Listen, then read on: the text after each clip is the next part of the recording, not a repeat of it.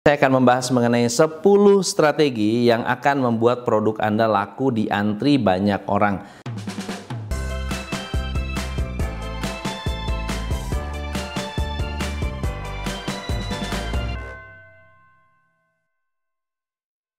Hai, saya Tom MC Ifle. Apa kabar? Hari ini saya akan membahas mengenai 10 strategi yang akan membuat produk Anda laku di antri banyak orang. Strategi ini bagus kalau misalnya Anda lihat satu demi satu ada 10 syarat kalau Anda ingin memiliki produk yang bisa membuat orang itu menanti-nanti Anda. Oke? Persyaratan yang pertama atau strategi yang pertama yang perlu Anda pikirkan adalah variasi produk.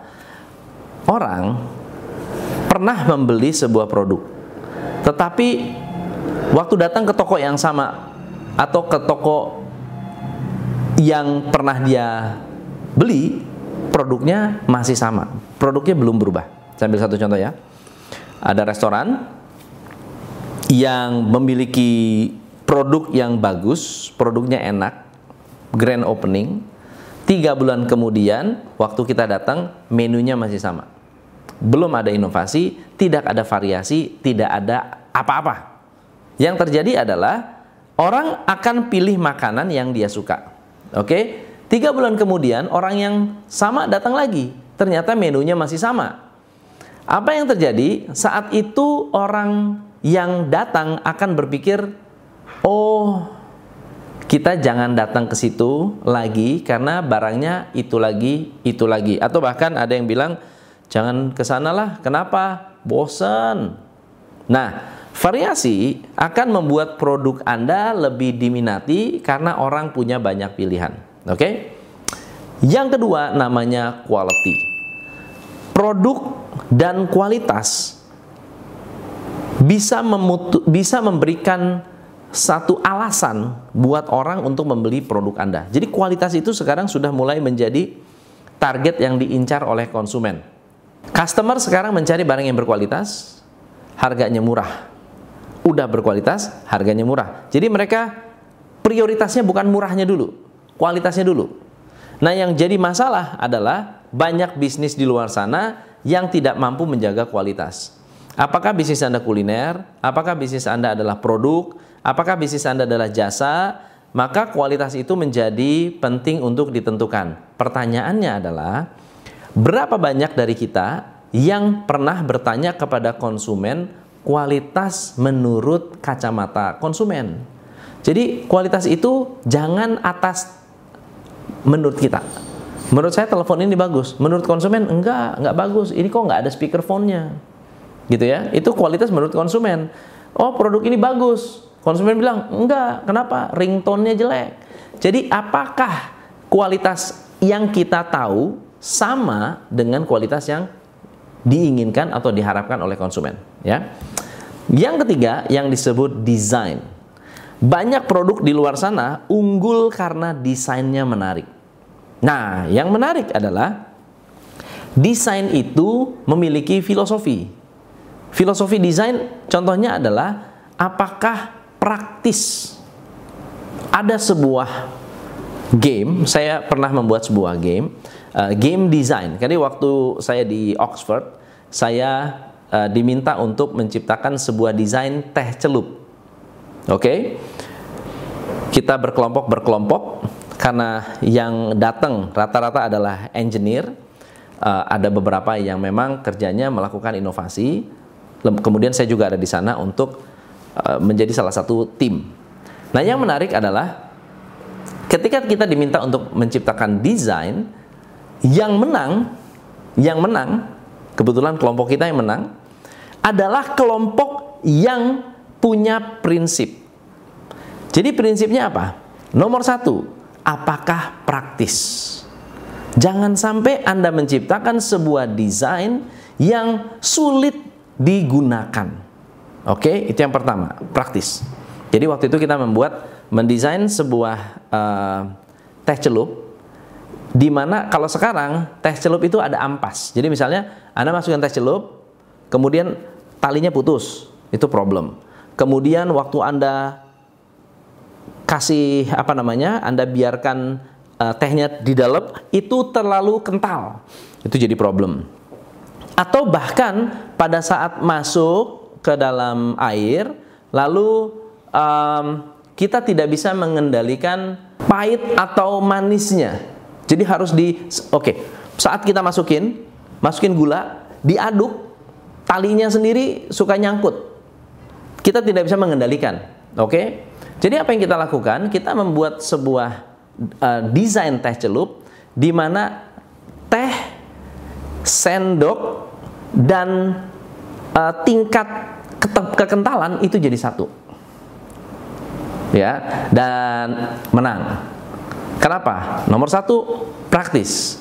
Nomor dua, hemat energi, hemat biaya, hemat energi. Jadi kita tidak memiliki, tidak menggunakan uh, sumber daya ekstra. Ya.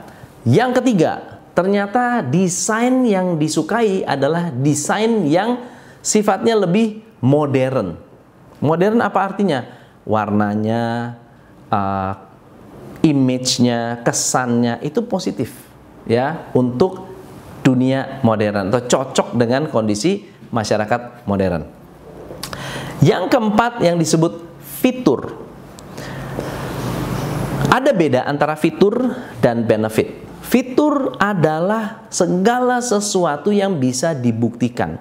Saya menggunakan kamera Canon. Misalnya Canon EOS 750D. Ya. Kemudian saya menggunakan lensa Canon atau lensa Zeiss atau lensa apa dengan berapa uh, milimeter, berapa um, f uh, f stopnya, lalu kemudian anda menggunakan uh, lighting apa, menggunakan menggunakan apa namanya? Ini mic apa, lalu kemudian ini adalah fitur yang bisa dijabarkan dan bisa dibuktikan. Kalau Anda menjual kuliner, Anda bisa menjual uh, uh, kalorinya. Kalau Anda menjual komputer, Anda bisa menjual speknya. Jadi fitur adalah sesuatu yang bisa menjustifikasi konsumen untuk memilih produk Anda. Fiturnya jelas. Yang kelima adalah merek atau brand. Brand simbol adalah bagian yang diingat oleh konsumen. Apakah namanya, apakah logonya, apakah warnanya, itu akan menjadi faktor pengingat. Misalnya kalau Anda ingat brandnya Nike selalu contreng. Kalau Anda ingat brandnya Adidas adalah tiga garis. Kalau Anda ingat brandnya Gramedia sekarang sudah berubah G. Gitu ya. Nah, yang menarik adalah banyak orang yang tidak konsisten dengan brandnya, tidak konsisten dengan mereknya, dan tidak memahami bagaimana cara mengelola sebuah brand. Oke? Okay? Yang keenam adalah packaging. Beda packaging dengan desain adalah packaging adalah yang membungkus. Saya pernah membeli sebuah um, jam ya. Lalu kemudian dibungkusnya pakai plastik transparan. Plastik transparan. Jamnya jam murah. Jam murah. Oke? Okay? plastik transparan. Dibandingkan dengan saya membeli jam merek Rolex Breitling uh, Audemars Piguet bungkusnya itu beda total Ya, bungkus Rolex dengan bungkus Breitling. Bungkus Breitling saya kalau dibuka uh, busanya rusak. Bungkus Rolex sampai sekarang mungkin udah 10 tahun kali, lebih. 10 tahun itu masih bersih, masih bagus. Busanya nggak rusak sama sekali. Nah, apa yang terjadi di sana? Packaging menunjukkan siapa kita, menunjukkan kualitas kita. Jadi kalau Anda bisa membuat packaging yang menarik, ternyata bisa membuat produk Anda lebih dominan. Nomor tujuh, ukuran. Ternyata ukuran produk kecil dengan ukuran produk gede itu mempengaruhi keinginan konsumen untuk membeli. Ambil saya ambil satu contoh ya. Ada orang beli kue. Kuenya kecil. Ya, tapi mahal. Dibandingkan dengan kue yang besar tapi mahal. Mana yang dipilih? Yang besar tapi mahal. Ya, yang kecil tapi mahal. Oke lah, sekali-sekali kita makan, tapi kemudian kita kadang-kadang merasa rugi. Kok kecil banget sih, gitu ya? Kok dikit banget sih? Karena ukuran adalah sebuah persepsi buat konsumen. Ukuran besar, ukuran kecil mempengaruhi emosi konsumen terhadap harga. Sekarang saya mau nanya, oke? Okay? Anda dikasih hadiah kecil, hadiah kecil, kotak kecil, gini, ya. Terus Anda ditanya, pilih mana kotak yang kecil ini atau hadiah dengan kotak besar? Anda boleh pilih. Kotak kecil lawan kotak gede. Anda pasti pilih yang kotak gede. Kenapa? Karena persepsi. Tanpa tahu isinya apa, kita sudah mempersepsikan bahwa besar artinya mahal. Ya, bahkan kalau Anda membayar barang yang besar, kesannya murah. Oke? Okay? Oke okay, ya. Yang kedelapan, ternyata yang mempengaruhi bisnis Anda, mempengaruhi omset Anda adalah pelayanan. Jadi pelayanan itu ada banyak bagiannya. Dari sisi manusianya, dari sisi produknya, dari sisi kualitasnya, dari sisi tempatnya, lingkungan di mana mereka duduk, jadi space-nya, dari sisi ambience-nya, suasananya, ini semua masuk kategori pelayanan.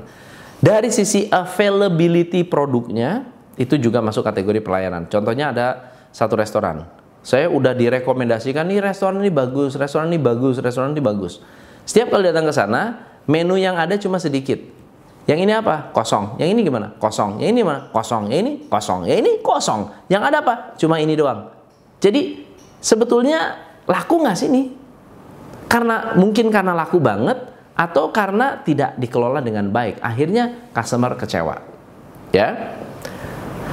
Yang kesembilan, ternyata garansi mempengaruhi orang untuk membeli. Ternyata ada garansi itu mempengaruhi besar. Jadi kalau misalnya Anda memiliki produk lalu Anda bilang, Pak, Bu, ini garansi uang kembali. Kalau nggak suka, uang kembali. Dan kenyataannya orang yang diberi garansi yang mengembalikan karena benar-benar uh, klaim garansi termasuk relatif sedikit. Tapi pengaruh garansi sangat besar untuk pembelian. Terakhir adalah boleh retur. Apa bedanya garansi dan retur? Kalau garansi, Anda bisa ganti produk. Kalau retur bisa, oh sorry, kalau garansi bisa tukar uang, ya, tukar uang. Atau misalnya garansi itu bisa Anda dapat jaminan. Kalau retur itu bisa nuker produk, tukar barang. Saya mau retur pak, Nah, kebanyakan beberapa perusahaan dia tidak mengizinkan kita untuk retur. Tetapi ada satu perusahaan yang cukup menarik, namanya Zappos. Zappos dulu ya, waktu dulu sebelum diakuisisi Amazon, dia punya service yang luar biasa. Jadi kalau Anda diminta Anda diminta untuk uh, belanja ke Zappos, Zappos akan tanya, karena Zappos ini jualan sepatu Pak, Bapak ukurannya berapa? Atau Ibu ukurannya berapa? Dia bilang, oh saya ukurannya size 7 atau size 8 gitu ya. Saya nggak tahu nih, saya nggak yakin size 7 atau size 8. Karena waktu itu teknologinya masih belum begitu canggih. Kalau sekarang sudah bisa di, uh, Bapak pakai meteran aja, nanti kita bisa langsung ukur di sepatu kita kira-kira jatuhnya seperti apa. Nah kalau di waktu itu tidak ada sistem itu. Jadi apa yang dilakukan Zappos? Bapak Supaya Bapak nggak perlu repot, saya kirimkan dua size. Oke, okay? size yang Bapak suka balikin at keep yang tidak disukai di retur. Dan yang menarik adalah customer happy banget. Happy banget sampai Zappos memiliki pengalaman untuk mem memahami kebutuhan konsumennya dan sekarang sudah jauh lebih rapi. Nah, Anda bisa li lihat dan riset sendiri tentang servis Zappos yang luar biasa dan Zappos menjadi salah satu perusahaan yang diakuisisi oleh Amazon dengan harga paling mahal. perusahaan baru yang harganya mahal sekali. So teman-teman, semoga bermanfaat. Ini adalah 10 hal, 10 poin yang kalau Anda melakukannya, Anda bisa menambah nilai tambah produk Anda agar produk Anda lebih banyak diantri oleh orang. Saya Tom M. Sifle, salam pencerahan.